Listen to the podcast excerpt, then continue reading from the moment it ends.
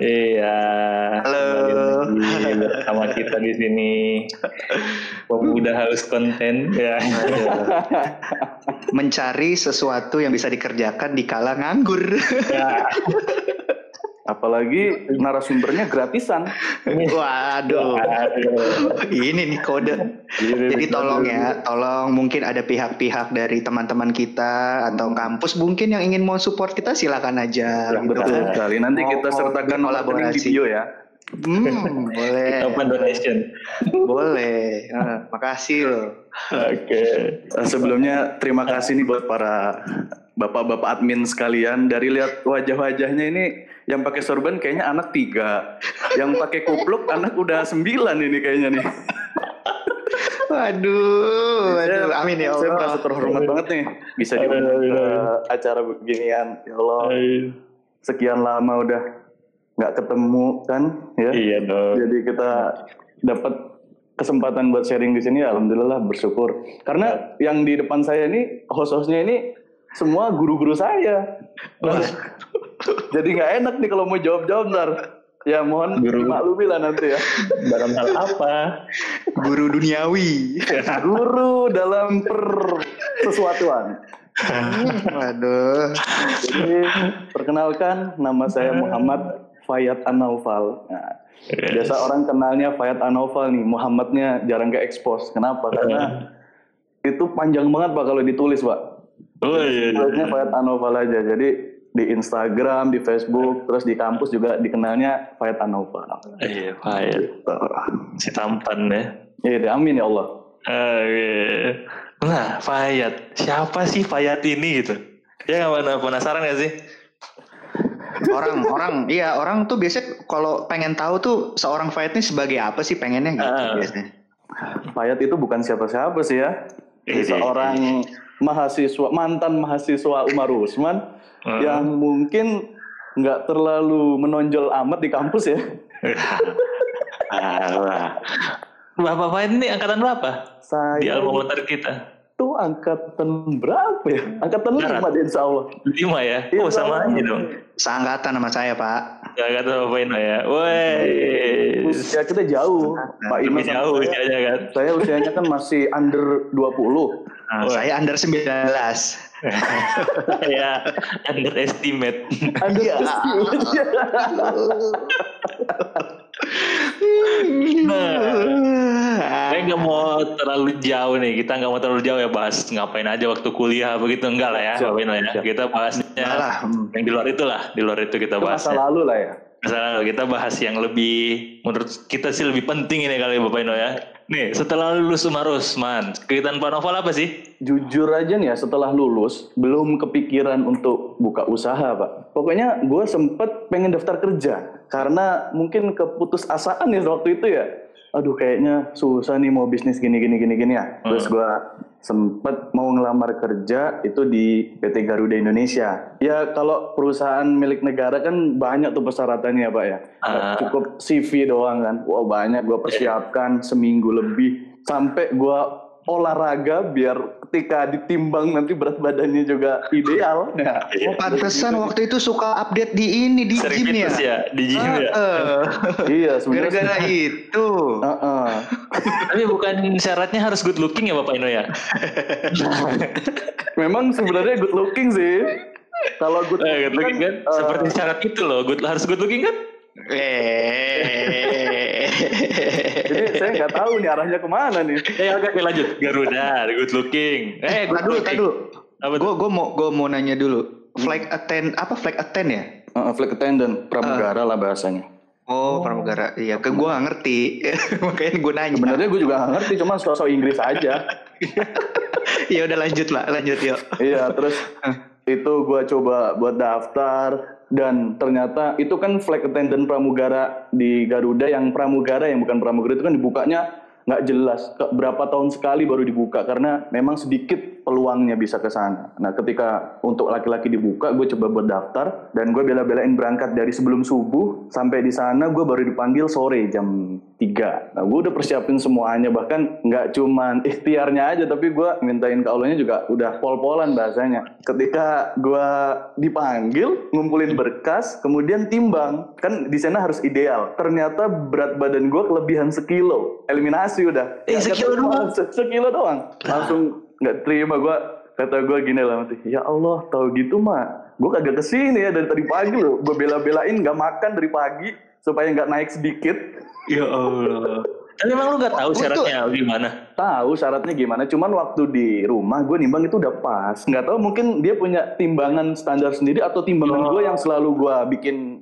agak rendah ya supaya gue lebih semangat hidup ya kalau timbangan agak berat kan nggak enak nih timbangan lo yang di rumah timbangan beras kali pak bisa jadi ya atau timbangannya di sana itu amal ibadah tuh nggak kehitung nah nah benar hitung pak kalau ya kan? jadi tambah berat pak wah ya Allah iya kan iya kan makanya harusnya amal ibadah kehitung di timbangannya tuh biar ini Astagfirullah. Ya, gitu ya. Bapak nggak ini ya, nggak lulus ya berarti? Nggak lulus, nggak lulus. Terus gue pulang, nah. kemudian gue cerita ke orang tua, ya udahlah begitu aja lewat kan. Gue bersyukur sih, kenapa gue nggak keterima karena dari situlah gue bisa dapat momen kepepetnya. Akhirnya mau nggak mau bapak Ino tolong jangan ketawa dong bapak Ino enggak gue tuh kayak gitu. ngomong sama diri gue sendiri. Iya maksud gue iya. maksud, maksud gue juga menyindir diri sendiri ya. Uh, gue mau tertawa diri gue sendiri gitu loh. Lu lihat komis gue nih kan malu gue tuh sebenarnya. Uh, ya, lanjut pak lanjut lanjut. Akhirnya di situlah gue punya momen kepepet yang mau nggak mau gue harus muter otak nih gimana caranya gue harus ada penghasilan. Dan alhamdulillah di situlah gue kepikiran wah ada satu bisnis yang lagi ngehits nih waktu itu ayam oh, geprek iya. lagi masanya 2018 akhirnya ya udah gue survei survei survei.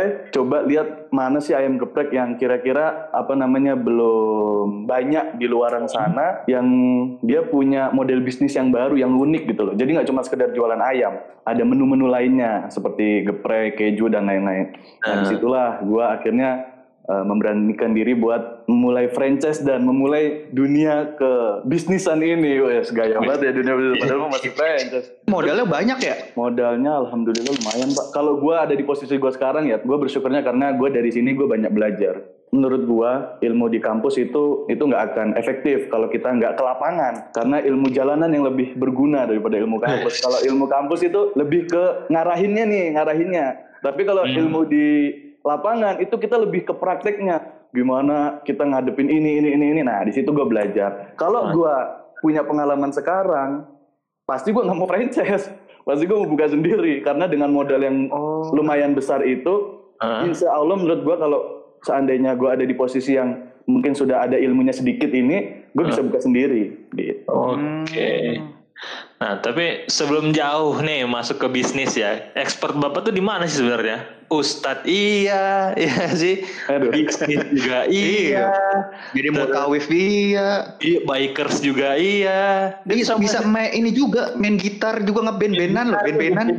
Jujur aja sampai sekarang gue belum ada expertnya ya Pak ya. Nah. Karena untuk menjadi seorang expert kan kita butuh pengalaman yang panjang nih kalau dibilang kenapa sih gue bisa ngejalanin semua ini gitu loh? Ceramah kemudian mutawif kemudian bisnis juga. Karena gue punya visi misi di hidup gue gue harus bisa banyak bermanfaat untuk orang lain. Masya allah. Jadi hidup sekali di dunia ini gue nggak peduliin gue bakalan kaya atau enggak nggak peduli gue mau nanti uh, bakalan jadi apa dalam tanda kutip seorang pengusaha besar atau enggak.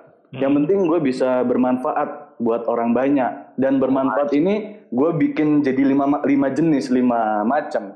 Gue berdoa supaya bermanfaat dengan harta gue bermanfaat dengan ilmu gue bermanfaat dengan agama gue dengan akhlak gue dan aduh lupa gue satu lagi.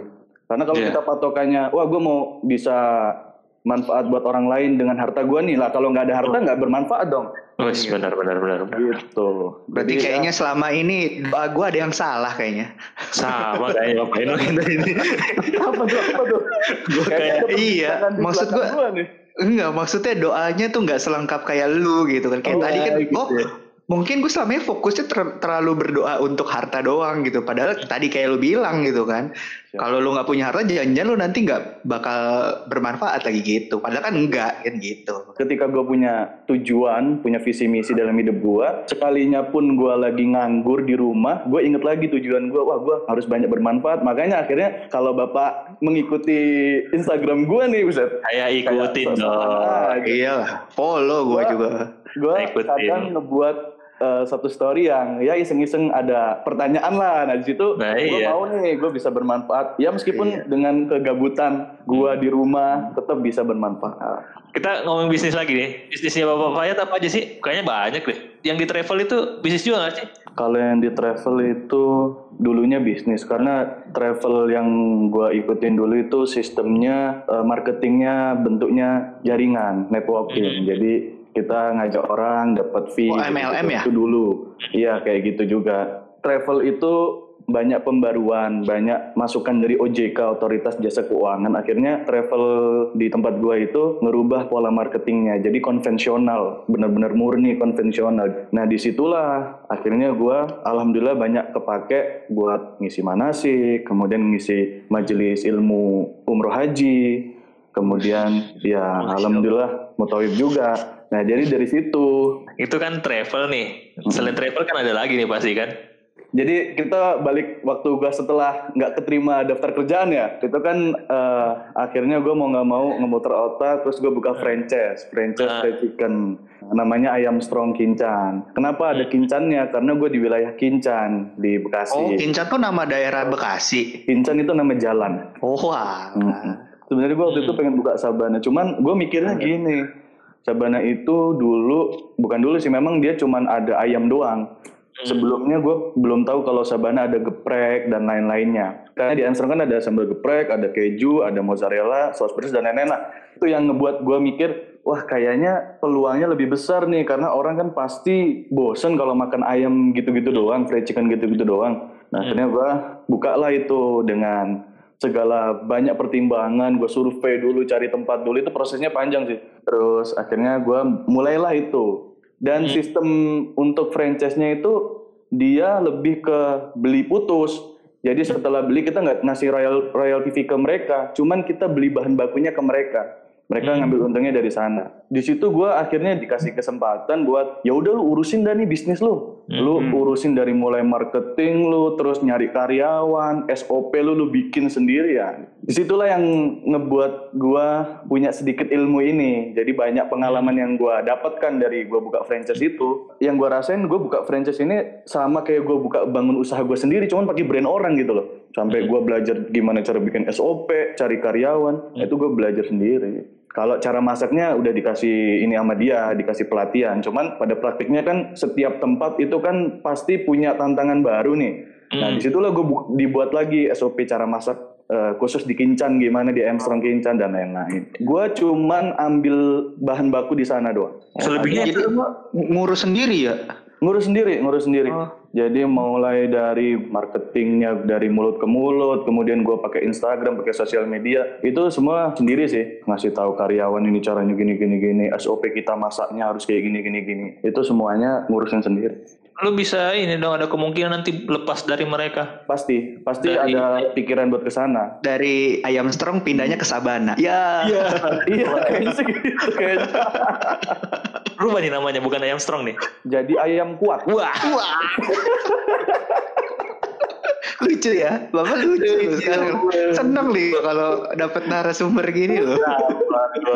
Nggak lucu sebenarnya. Eh, kitanya aja yang menganggap itu lucu. Iya. Katanya ada lagi selain itu. Nah ini ada, gue nah, iya. setelah buka. Ini saya penasaran sama itu. Kobam, kobam. Nah, itu dia. Jadi gue baca tadi flyernya Ustaz yang suka kobam. Waduh, ini seru sekali nih. Enggak itu itu namanya bahasa marketing. Nah, itu ya. dia. Hmm. Kobam itu satu produk, satu produk oh. yang gue bikin kayak sejenis haus, sejenis oh uh, munim ya munim oh, terus, iya, terus iya. dan lain-lain lah pokoknya itulah kopi-kopi okay. teh gitu Oke oke Nah, oke. cuman karena gua emang orangnya berpikirnya nggak suka yang terlalu baku gue pengen bikin gimana orang denger produk gue tuh gampang keinget ke kepalanya sempet tuh Nah. gue pengen bikin namanya ngefly aduh kalau ngefly kok- Waduh. kalau kok kesannya Kalau kesannya ini sebenarnya gue produknya produk makanan minuman atau produk obat-obatan ini itu kalau nggak fly yang beli ini yang Pak cabe-cabean BKT Pak Jakarta Timur. Iya. Bung Melayu sana ya kan. iya benar benar benar benar. Aduh. Nah itu akhirnya gue kepikiran, wah kayaknya Kobam keren nih. Iya. Kobam kalau kita konotasinya dibalik kan bahasanya mabok, Mabok. iya. mabok. Itu sebenarnya juga buat cara marketing gua supaya kok ini minuman namanya mabuk ya? Kok Kobam ya? Apakah ini mengandung alkohol? Intinya seperti itu. Terus akhirnya gua bikin juga singkatannya. Kobam itu singkatannya Hmm. Kongko bareng anak muda. Oh, ya Gokil, gokil. Jadi seperti itu, bapak-bapak sekalian. Tuh guys, denger tuh. Jangan negatif Anda ya. Jadi di flyer itu Ustadz suka kongko bareng anak muda gitu. Wah. Nah, Walaupun. Ya, betul, sekarang betul. bos gua orang-orang tua nih. Oh, jangan gitu lah. Sama. Perasaan gue seumuran dah ya. Seumuran. Loh. Siap, siap. Eh, Kobam itu jualnya di outlet juga atau pre-order atau kayak gimana? Kobam itu sementara ini gua masih gabung sama eh, ayam serongkincan masih di dalam situ. Oh, di-include-kan gitu. Mm, diincludekan. Karena gini, kita kan harus cek ombak dulu nih. Nggak Oh. bisa punya uang, kita sok-sokan, wah kayaknya laris nih, kayaknya bakalan berhasil. Langsung nih. Terus kita buka gitu ya. outlet. Hmm. Dan ternyata nggak untung, malah buntung ya. Akhirnya rugi Hmm. besar kan. Nah, akhirnya gue mikir, wah gue punya outlet nih. Apa Hmm. nggak sebaiknya gue manfaatkan aja outlet gue ini buat jualan produk gue. Jadi ya udah kita gabung di situ, include di situ. Untuk jangka panjang ini belum ada kepikiran buat buka outlet sendiri sih untuk Kobam. Ya banyak juga sih kompetitornya kalau minum-minuman kayak gini termasuk Iya. alma mater sendiri kan ada juga kan? Iya, Ya, dong, kan? ada. Dosen dosen tamu alma mater kita juga ada kan? Iya, iya, iya. iya. Kok Bapak berani-beraninya menyentuh itu, Pak? Jadi balik lagi ke prinsip gua sih, bapak-bapak sekalian, bisa Iya. sekalian.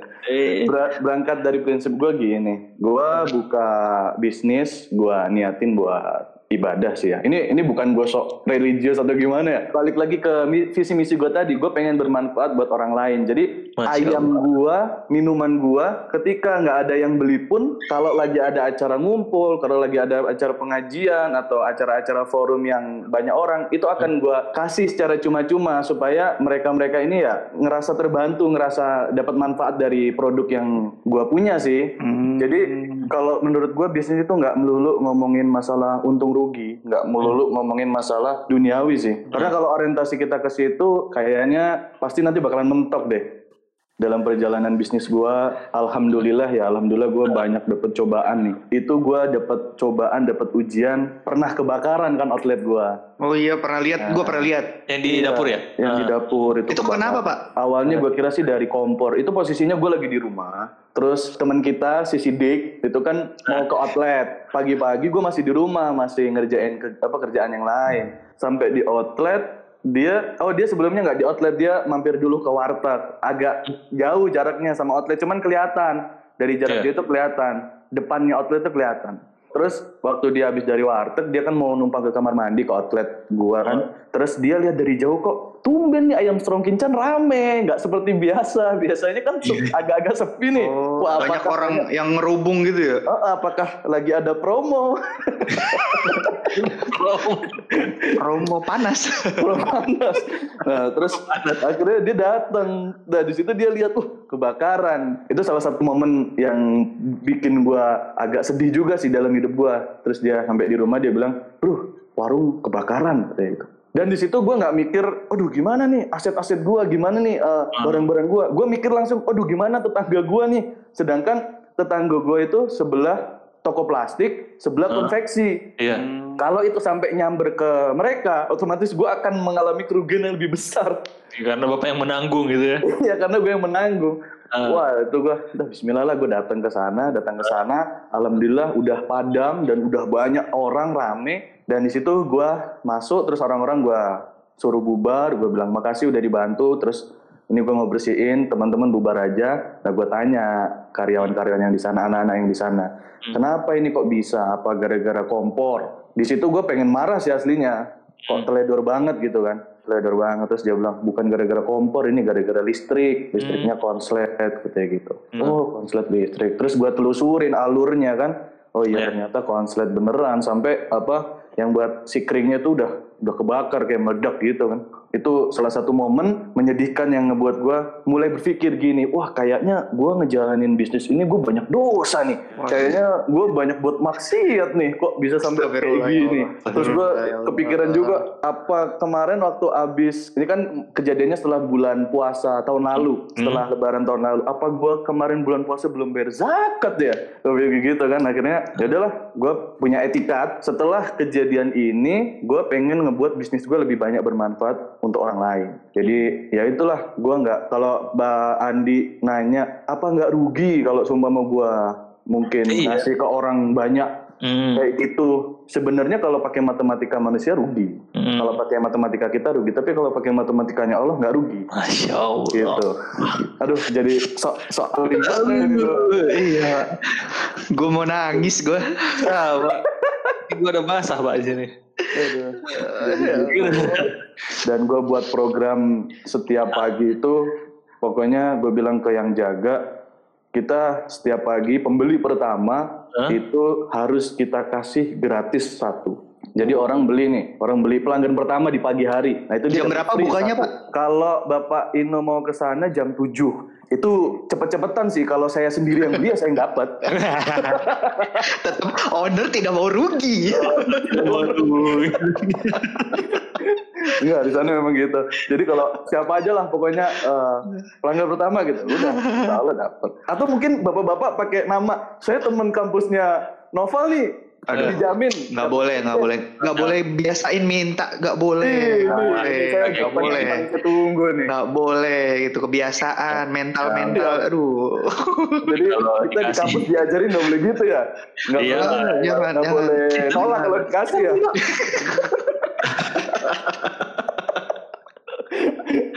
Jadi gitu Pak Andi. Kalau dibilang untung rugi ya rugi secara hitung-hitungan kita. Cuman gue yakin deh jalan rezeki gue nggak cuman dari bisnis kok. Karena kita ngomongin masalah rezeki nih ya. Oh, Eh, shit. aduh gue ketawa aja nih nggak enak ini kan. Eh nggak apa-apa serius, gue gue seneng loh. Iya, Selama gini gini, soalnya selama ini gue kan nggak ke mana-mana gitu kan, jadi jarang dapet tausiah gitu. Jadi mungkin ini jalannya Allah biar gue tuh denger tausiah gitu. Masya Allah. Jadi kalau kita ngomongin rezeki, prinsip sebagai muslim, kita rezeki itu bukan dicari ya. Karena kalau kita nyari rezeki itu capek jatuhnya. Tapi rezeki itu kita jemput karena kan udah disiapin. Lu jatah lu segini, jatah gua segini, jatah teman-teman semua segini. Kalau kita belum dapat sesuai jatahnya, kita nggak bakal mati, kita nggak bakal pulang, nggak bakal selesai urusan di dunia. Nah, adapun cara dapetinnya kita jemput, ya, bukan bukan kita mencari. Kalau cari kan orientasinya kita, aduh di mana ya, di mana ya. Tapi kalau kita jemput, ah, gua keluar nih, gua mau jualan eh, bakpao seumpama nih, atau gua mau jualan apa, mau bikin jasa, bikin desain, itu gua niatin buat jemput rezekinya, gua niatin buat jemput rezekinya. Itu kan jatuhnya kita lebih nggak capek, bener nggak sih? Kalau jemput berarti kita udah tahu tujuan kita mau ke mana gitu kan, benar gak sih? Iya. Kalau mau jemput ini di sini, di sini, di sini, nah gitu kan. Hmm, Kalau cari bener. kan nyari gitu, benar Kalau gak sih? kan masih nyari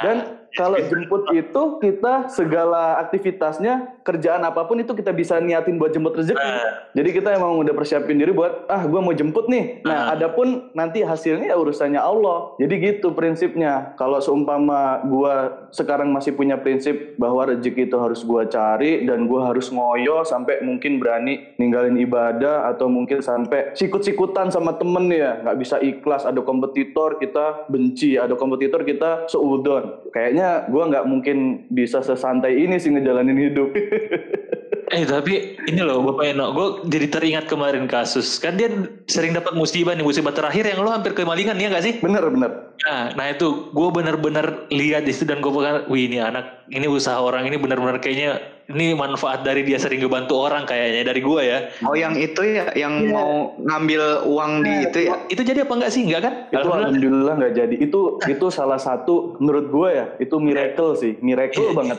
Cerita, jadi coba. ceritanya gini, itu orang yang jaga di booth gua hmm. atau karyawan gue itu kan lagi masak. Memang posisi masak gue itu kayak gitu karena mau diubah-ubah kayak apa pun agak susah posisinya udah baku di situ. Tapi hmm. biasanya di tembok si chefnya masak ini ada HP buat mantau CCTV. Hmm. Jadi bisa oh. tahu kalau di depan ada orang. Hmm. Kebetulan kemarin itu baterainya lowbat, akhirnya oh. ditaruh di belakang, di ngebelakangin chefnya itu. Di situ akhirnya masak, nggak tahu mungkin udah direncanakan atau karena ada kesempatan ya akhirnya hmm. itu orang si dalam tanda kutip malingnya itu apa namanya dia masuk dan masuk hmm. itu langsung ngelihat dulu ini orang lagi ngapain terus ngeliat ke belakang kan kalau bapak ini sama bapak Andi lihat videonya nah terus akhirnya ke depan pas uh. lagi chefnya masak dia masuk kan ke lorong itu sebenarnya itu uh. udah wilayah wilayah staff di sana terus dia masuk dan di situ posisinya ada tas yang isinya beberapa juta dan ada dua HP, ada dua HP yang geletak di situ. Memang itu kan meja. Posisi uang di kasir itu kebuka. Memang habis ngembaliin ngasih kembalian terus kebuka. Jadi posisinya waktu dia mau ngambil nggak tahu mungkin Allah masih sayang sama gua ya. Ini tiba-tiba ada orang mau nuker duit dan itu tetangga gua, tetangga warung. Dia mau nuker duit, memang biasa nuker duit. Woi punya duit nggak kalau dilihat di videonya kan gitu. Woi punya uh. punya punya pecahan nggak? Ngangkat seratus ribu kan? Nah, di situlah malingnya kaget. Kaget terus dia seolah-olah gayanya kayak dia itu orang situ gitu lah. Terus dia tangannya gini-gini kan nandain gak ada gak ada gitu. Terus akhirnya orang yang mau nuker duit ini ya udah pergi karena dia nggak tahu kalau itu uh, orang asing atau mau maling. Terus akhirnya maling itu gayanya mau beli terus dia nanya, bang ceker ada nggak ya? Dalam hati yeah. gue, gue nggak pernah jualan ceker. nah di situlah alhamdulillah banget sih itu dari sekian banyak orang ada yang mau nukar duit ini ya gak sih? Bener, bener. Iya, nggak nggak kebayang aja gitu kan tiba-tiba ada yang nukar duit. Jadi gitu, alhamdulillah banget sih itu. Karena sebelum-sebelumnya memang udah banyak kejadian yang nggak memang nggak gue expose karena gue mikir eh buat apa sih di expose kok kayak mencari belas kasihan orang banget gue nge-expose masalah gue cuman ya yang di momen ini gue ngerasa buat seru-seruan aja buat ngeramein apa namanya Instagram I'm Strong Kincan dan iya. faktanya bener penontonnya itu penonton videonya 800 view loh. Dan gitu. dari 100% orang yang nonton itu yang ngefollow paling satu persennya doang ya ada yang nge-share kali ya? Iya ada yang nge-share ya, mungkin mungkin. Ada yang repost hmm. gitu. Masuk lambe turah kayaknya pak. Iya waduh ini kayaknya aku lagi di sama adminnya ini. Masih kepo deh masih kepo deh. Gimana? itu yang yang kebakaran gitu kan. Kalau ya. misalkan ya. di di ini apa namanya uh, kerugian gitu kan. Hmm. nominalnya boleh ditahu nggak berapa kira-kira Insya Allah ya, seingat gue itu hampir 10 kerugiannya. Dan kalau boleh jujur ya, gue bisnis sampai detik ini ya, gue belum merasakan bisa balik modal, apalagi balik untung. Hmm. Jadi gue jalanin ini, ya udah ngalir aja. Dan masih muter berarti ya duitnya? Masih muter, masih muter dan kalau menurut gue ini ini mungkin ilmu yang gue pelajarin di lapangan ya. Kalau menurut gue kita kalau mau franchise itu nggak bakal bisa bikin kita kaya, nggak bakal bisa bikin kita sukses karena jatuhnya franchise ya franchise. Lu ngayain yang punya franchise. Kalau mau hmm. kaya, kalau mau sukses ya buka brand sendiri. Dan nggak tahu ya alhamdulillah waktu itu ada aja duitnya. Padahal posisinya benar-benar apa ya benar-benar gue sisa tabungan tinggal sekian. Ini juga tabungan pribadi bukan dari uang hasil ayam strong. Ya udah gue pakai aja dah gitu. Ya, Bapak Andi, gue izin lagi dong mau nanya lagi nih iya. terkait ini nih penting nih penting nih. Aduh, aduh, aduh, aduh. aduh, aduh. tadi kan terkait menjemput rezeki gua gitu kan kadang suka apa ya yang nggak tahu ya mungkin namanya manusia gitu ngerasa aja gitu bahwa iya gua ngerti menjemput rezeki gitu kan. Tapi gimana ya caranya ya gitu menjemput rezeki supaya uh, apa namanya kita tahu gitu yang bisa menjemput rezeki itu yang seperti apa. Nah kasih tahu dong dari pandangan lu tuh seperti apa. Kalau gua pribadi menjemput rezeki itu ketika kita melangkahkan kaki dengan niat kita mau menjemput rezeki. Sebenarnya sebenarnya sesimpel itu. Karena gini, gue belajar kayak gini tuh dari orang tua gue juga. Orang tua gue, orang tua gue juga kebetulan uh, basicnya basic-basic pesantren semua kan. Nyokap gue, bokap gue, dan gue dikasih tahu nyokap gue gini, mama itu punya temen katanya gitu. Dia abis di PHK, nggak punya kerjaan, anak banyak dan dia nggak tahu harus dapat uang dari mana, makan apa. Hmm. Tapi dia yakin Allah itu udah menjamin setiap makhluknya, dijamin semua rezekinya. Bahkan burung yang secara logika dia kan nggak punya kerjaan juga nih. Kalau hmm. pagi keluar, dia pulang bawa makanan kok. Dia pulang dalam keadaan kenyang kok. Nah itu dari situ eh, nyokap gue cerita, nah teman mama ini dia pakai prinsip itu. Kemudian pagi-pagi dia pakai pakaian rapi, siap-siap, tapi dia nggak tahu aslinya mau ke mana. Pokoknya hari hmm. ini pagi ini jalan aja udah. Penting standby ya gitu ya. Hmm, pokoknya pokoknya gue jalan aja mungkin bahasanya gitu. Dan oke okay, bener jalan. Saya terus dia sebelum menjelang duhur itu dia mampir sholat duhur di masjid. Mampir hmm. masih pakai pakaian yang rapi, mampir di masjid. Kemudian setelah sholat duhur itu dia disamperin orang. Dan ternyata yang nyamperin itu temennya. Nggak sengaja ketemu gitu loh. Dia tanya mas kegiatannya apa sekarang? Aduh saya kebetulan lagi belum ada kerjaan lagi. Ah kebetulan nih saya punya paket yang harus dikirim. Kira-kira bisa nggak e, bantu ngirim? Nanti ada uangnya nanti ada fee-nya. Nah di situlah akhirnya dia punya penghasilan. Akhirnya dia pulang dengan keadaan kenyang dengan keadaan punya uang Hmm. Karena dia pakai prinsip tadi dan itu nggak bisa kita lakukan kalau kita nggak punya bener-bener nggak punya keyakinan yang mantep akan adanya hal itu gitu loh. Jadi intinya nih ya kalau Bapak Ino nih ya Bapak Ino bikin bikin acara kayak gini sama Bapak Andi kalau kita niatin ibadah sama nyari rezeki eh jemput rezeki itu pasti nanti ketemu aja jalannya. Amin ya Allah. Ya Allah. Apalagi apalagi yang kita sharingin kan ya benar-benar bermanfaat gitu kan. Iya iya betul betul. Aduh ini gue bener-bener gue bener-bener bersyukur banget ya uh, Bapak Ino sama Bapak Andi ini buat kayak gini karena ya kita menyatukan visi misi bisa bermanfaat buat orang banyak. Gitu. Amin, ya Allah. Nanti Allah ganti deh, nanti Allah kasih jalan deh gue yakin. Amin ya Allah. Jadi semangat saya mau ngedit. Jadi strong saya. Jadi strong saya, strong kincan saya. Jadi gitu bapak-bapak sekalian. Ah, ya Allah, daging banget ilmunya bapak ini. Ya Allah. Iya, soalnya kan kadang ya, gue bingung mau yang namanya hmm. menjemput rezeki itu harus seperti apa gitu. Mungkin sekarang jadi lebih terarah gitu kan. Hmm. Dari hmm. niat dulu dibenerin ya begitu ya bapak ya. Mantap. Betul sekali Pak Ino. Dan kita niatin aja sih setiap yang kita kerjain itu buat jemput ya. Gue posting di Instagram juga gue niatin di story terutama ya. Gue niatin buat jemput rezeki. Uh. Adapun polanya gimana nanti ya mudah-mudahan Allah kasih jalan siapa tahu dengan adanya Instagram buat ini jadi banyak interaksi sama followers suatu saat gue punya oh, produk iya.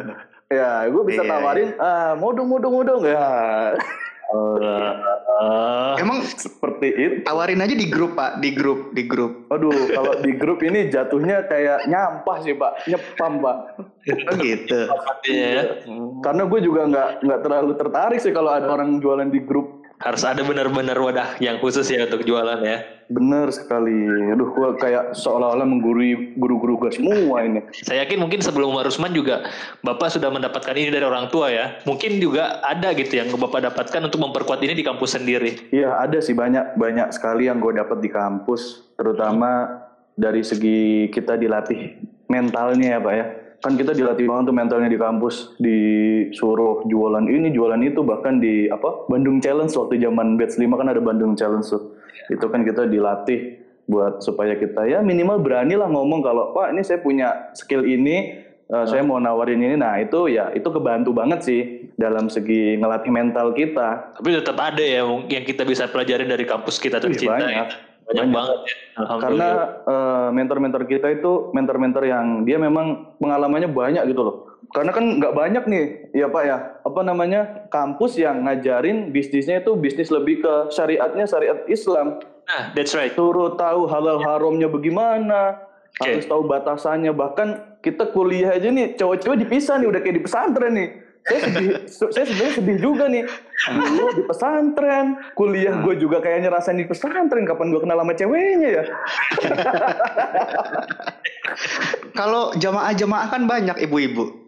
Iya itu sudah udur sih pak. Nah ya banyak sih suka dukanya. Kita punya uh, masa dalam tanda kutip jamaah. Rata-rata orang tua sih ya ibu-ibu ya bapak-bapak itu waduh tantangannya banyak terus pengalamannya juga lebih banyak. Karena waduh yang ditanyain dan yang didapat itu nggak cuma seputar anak-anak muda doang. Hmm. kalau anak-anak muda kan paling gue mau nanya ini dong ini dong ini dong kira-kira gimana ya gimana ya. Tapi kalau ibu-ibu ya ibu-ibu mungkin tante-tante atau bapak-bapak lebih sering kecurhat dan yang curhat itu masalah pribadi coba. Masya Allah kata ya Allah. Kalau misalkan bapak-bapak tuh kan biasanya kalau udah kumpul ngomonginnya penyakit ya. Itu jangan jangan disamain dong. Iya kan, sih gitu Pak. Iya nih, apa kabar Pak? Iya nih saya suka pegel-pegel sih begitu. itu Kenapa Pak? Eh, gitu. Kalau situ, gue lebih ke bodoh amat sih ya. Karena gue belum. Tapi iya fakta kan. Tapi pernah kan kayak gitu kan. Tapi ada kan yang nanya kayak gitu juga kan pernah. Iya iya pernah pernah banyak malah. banyak.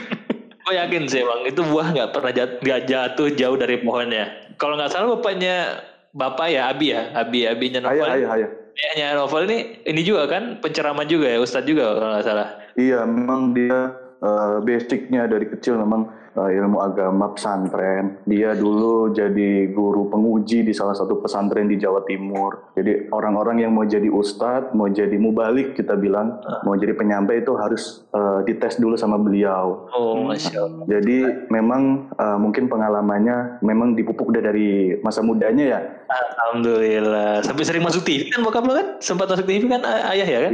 Uh, beberapa masuk TV diundang diundang sampai sempat punya program waktu itu. Oh, udah terklarifikasi kan perkataan gue Pak Ino kan? Lihat gue sempat ngomongin sama Pak Ino ini gue kepoin gitu kan. Iya, iya, iya. Hmm, karena ini, kita kalau mau wawancara tuh harus tahu narasumber dulu. Iya. Iya bener. Wah ini profesional banget ini. Aduh. Paling lucu nih gue lucu banget nih kemarin.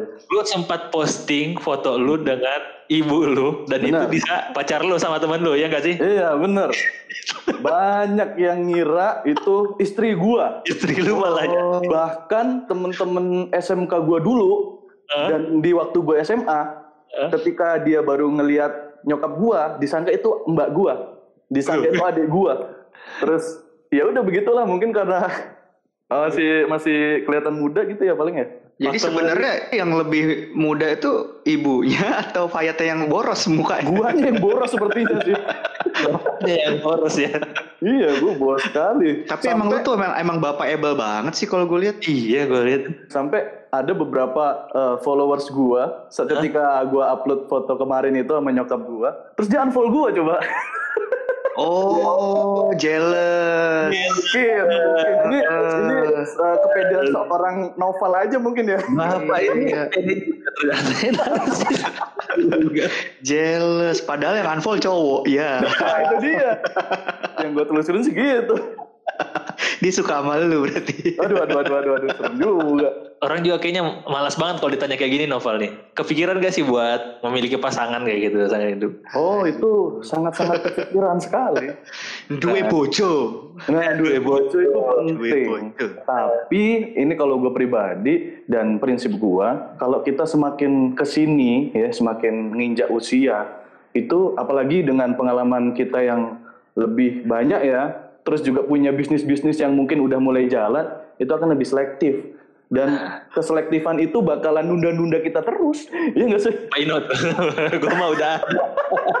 Maaf. Anda bukan golongan saya. gue satu mazhab nih sama ini deh. Ini deh, siap siap siap. Mazhab ya, lo menemukan golongan lo di sini. Akhirnya. Nikah itu bukan karena gue punya modal secara materi yang cukup sih, tapi kita balik lagi ke Quran hadisnya nih. Aduh ngomongin ini lagi. Weh, saya suka kalau gini sih. Kalau nikah. Tapi lo mau nambah lagi pak?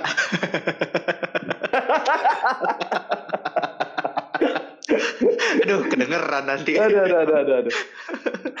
kalau kita nikah itu uh, sebenarnya yang ditanya bukan lu udah punya model belum sih buat nikah secara materi bukan itu. Tapi lu udah siap belum sih buat jadi sosok ayah yang baik buat anak lu nanti? Be. jadi sosok suami yang baik buat keluarga lu nanti. Nah ketika lu belum siap tapi lu punya modal ya jangan nikah dulu Karena lu siapin dulu, lu belajar dulu ya dari ustadz-ustadz, dari guru-guru kita, dari orang tua kita, gitu. Kalau seumpama kita udah punya modal itu, minimal basicnya itu, insya Allah ketika kita punya keluarga, insya Allah pasti bisa ke arah nih anak kita bakalan ke mana, istri kita bakalan ke mana, dan peluang terjadi, mohon maaf, perceraian muda karena usia nikah muda itu benar-benar sedikit peluang ke sananya karena kita punya basic yang seperti itu. Jadi gitu. Nah ini gue masih belajar buat itu, gitu. Emang lu umur berapa sih sekarang? ini seangkatan gue gak ada yang tahu lo umur gue loh. Aduh, gue masih 20-an juga. Masih Ah, 20-an. Yang bener lu. Iya, 20-an. Serius? Iya kan Ah, 20-an. bohong ah. 20-an itu kan aneh. Lu kira gue 30-an? Iya nggak tahu gua makanya nanya nih. Iya, masih di bawah Pak Ino sama di bawah jauh sama Pak Andi. Lah gua sama Bapak Andi aja beda dua hari. Udah dua hari. Iya, berarti gue masih jauh di di bawah kalian semua ini. Ada nggak sih sosok-sosok yang mungkin Tipe-tipe. menemani menemani hari-harinya Bapak Asik. Nopal kayak gitu kan. Cuma nanya ada apa enggak gitu. Hmm. Biar viewers akhwat-akhwat juga di sini kan nanti yang Hmm. denger juga ada akhwat-akhwat gitu kan. Menarik nih, menarik nih. Kayaknya ini yang bakalan jadi teasernya nih. ini gue tahu banget ini jalannya ini. Karena presentase masalah relationship ini banyak yang nonton. Jadi kalau kalau untuk sekarang yang gua istiqorohin, yang gua mintain ke Allah itu ada, yang gue sebut Allah. namanya. Ini ini eh, gue ngomong gini karena gue ngelakuin ya. Gue berusaha di dalam diri gue supaya gue nggak bicara apa yang belum gue lakuin. Jadi seolah-olah Eh. gue wah lah omong kosong. Kalau masuk ke dalilnya gue kenaan dalil kaburat makotan gue ngomong sesuatu tapi gue nggak praktekin itu. Nah ini gue berusaha nggak seperti itu. Jadi gue masih ada orang yang gue sebut doanya sampai sekarang gue istiqorohin gitu kalau bicara itu ya ada Pak Ino cuman ini masih eh Pak Andi ini cuman masih gue doain aja Ini mau didoain nggak biar kita aminin? Coba sebutin. Ah, jadi Fulana binti Fulan ya. Kayaknya sih bukan anak UU. Kayaknya sih bukan kayaknya. Sepengalaman saya sih bukan anak UU sih. Oh, bukan. Berarti. Bukan, bukan, Pak. Bukan anak UU. Kalau diundang jadi jadi mentor ke kampus mau nggak? Kalau gue pribadi sih gue belum merasa cukup ilmunya sih Pak Ino.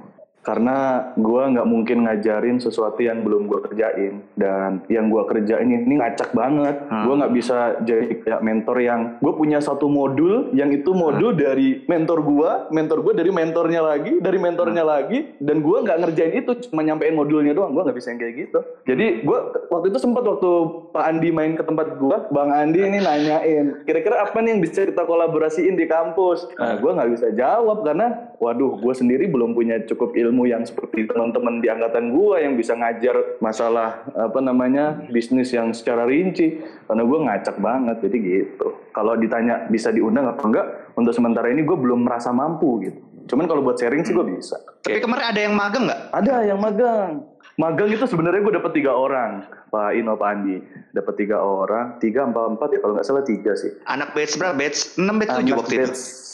Eh yang kemarin ini terakhir batch berapa sih Batch 7 berarti. Batch 7 ya benar. Yang konfirmasi ke gue tiga orang, yang konfirmasi gue ke ketiga orang. Terus pas di hari hanya malamnya itu malam hari hanya gue tanya yang satu, eh semuanya gue tanya siap nggak datang jam segini segini gini. Gue kalau sama teman junior, teman-teman adik kelas kita itu gue berusaha buat disiplin dalam arti gue ya udah kita A A B B karena bukan gue jahat karena gue ngelatih kalian loh karena gue ngelatih adik-adik semua supaya kita bisa eh, disiplin, disiplin waktu, disiplin kerjaan. Waktu malam itu gua tanya, dua orang jawab, dua orang jawab, yang satu nggak jawab jawab.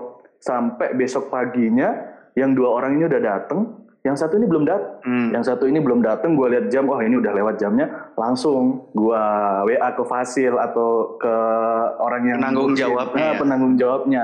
Gue bilang, ini mohon maaf Miss, gue punya standar SOP kayak gini, peraturan kayak gini. Nah, kok orang ini, anak ini nggak bisa tepat waktu di jam pertama, di hari pertama aja dia nggak bisa tepat waktu, nggak bisa menghargain ini.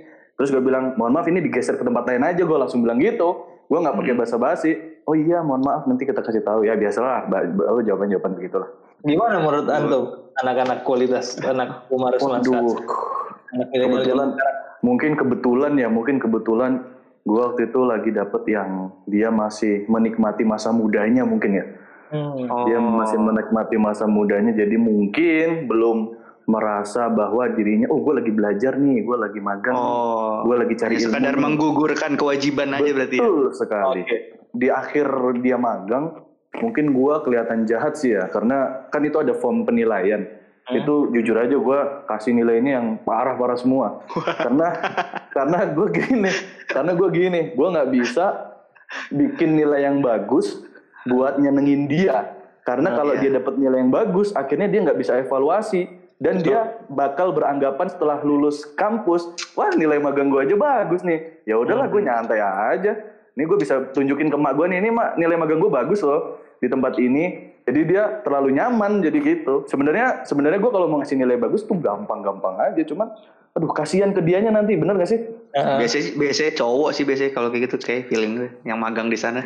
cowok ya keduanya Ya, jangan jangan diperjelas lah. Kalau cewek mah paling ada pendekatan khusus.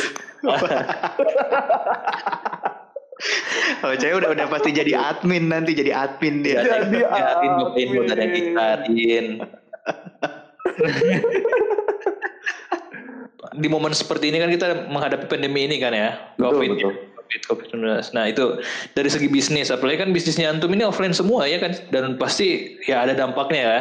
Seperti apa sih antum ini menyikapi kayak gini nih? Ada inovasi kah? Atau tetap dengan seperti semula gitu dengan donasinya gak rajin bersedekah atau gimana? Kalau inovasi pasti, sih banyak ide, banyak inovasi yang kita akhirnya bisa belajar dari pandemi ini kan. Terutama buat kita kita yang on, yang offline ini belajar buat lebih ke online lagi, lebih ngeramein Instagram lagi. Terus mungkin gua bikin eh, free ongkir di sekitaran situ, radius satu kilometer. Nah itu banyak ide-ide yang bisa gua kerjakan di situ. Dan kalau ngomongin dampak, ya alhamdulillah semuanya terdampak. Bahkan mungkin eh, gua salah satu pelaku usaha yang sangat terdampak. Kan gua target sehari itu terkumpul 10 ekor, bukan terkumpul, tercapai target 10 ekor penjualan. 10 ekor ya 10 ayam. itulah ya Itu, mm-mm. nah itu bisa, itu kalau gue hitung-hitung, itu bisa buat nutup operasional selama sebulan, gaji karyawan, bayar listrik dan lain-lain. Itu baru cuman cukup buat itu. Yang gua Operasional. operasional untuk balik modalnya atau profit guanya itu belum kehitung. Itu cuma kan target minimal.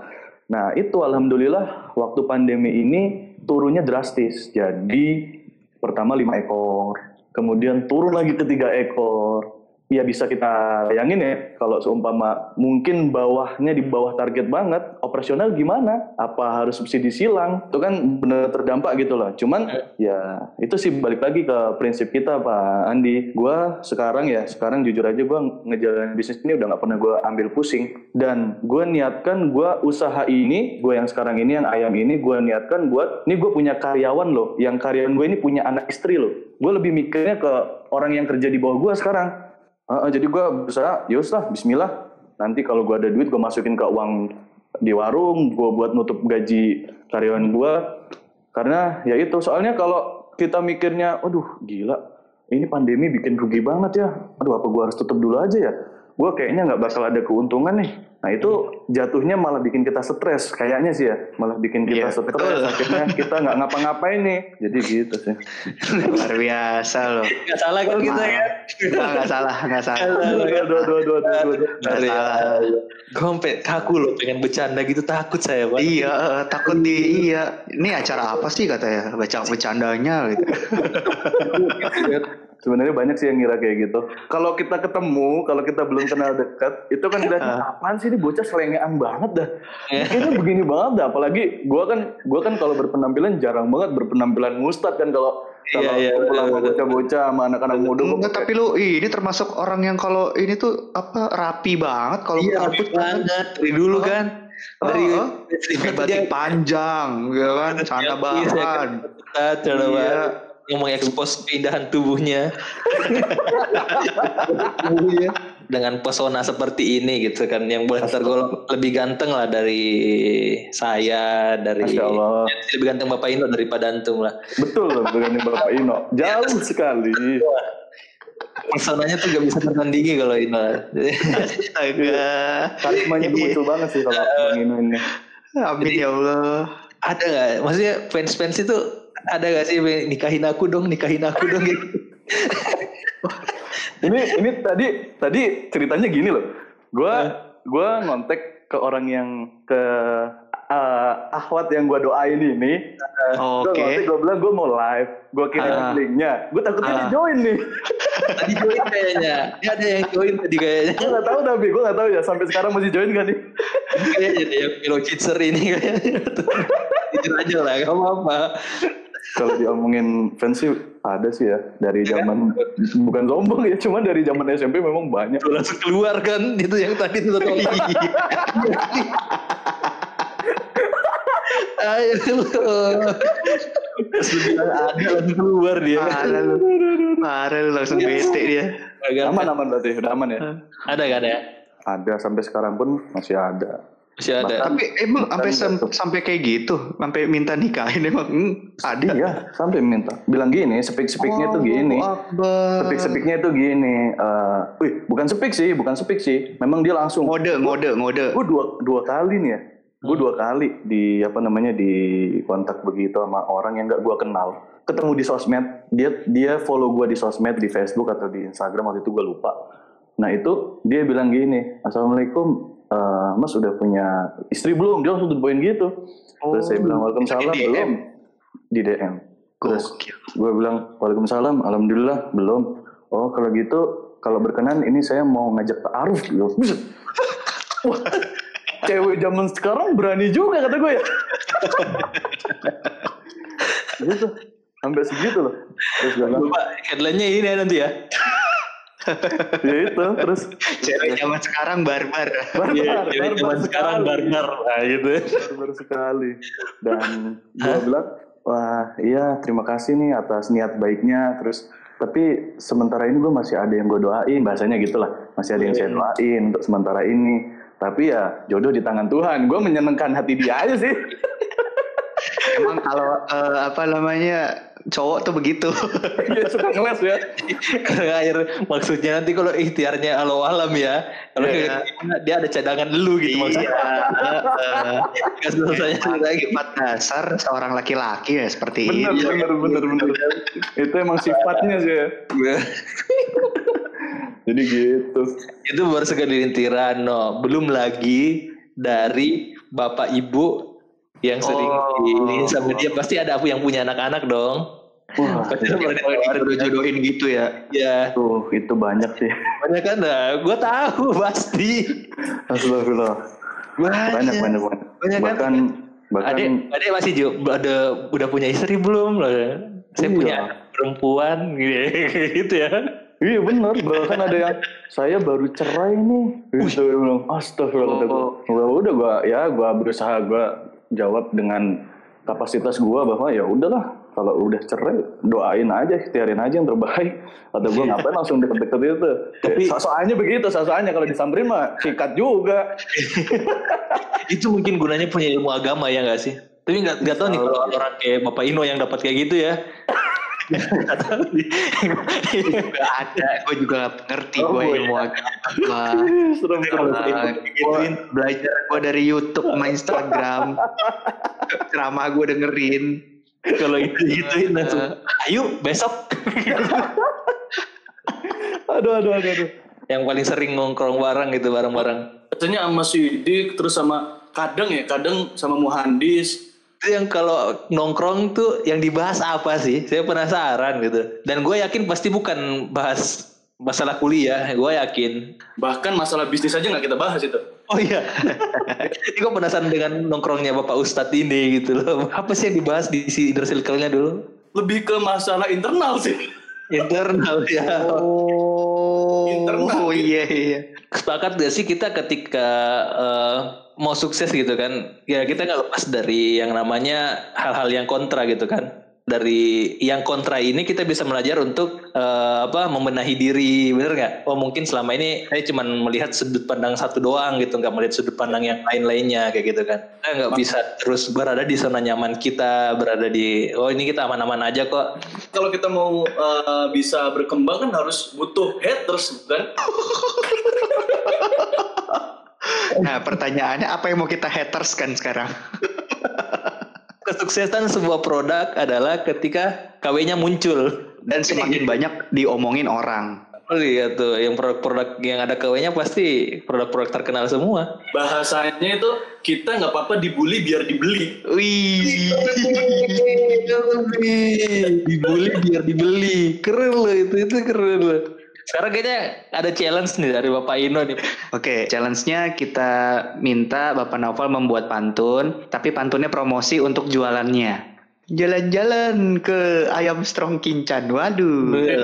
itu langsung kok, langsung Oh iya, ya. oh iya. Kan pergincannya nanti. Oh iya.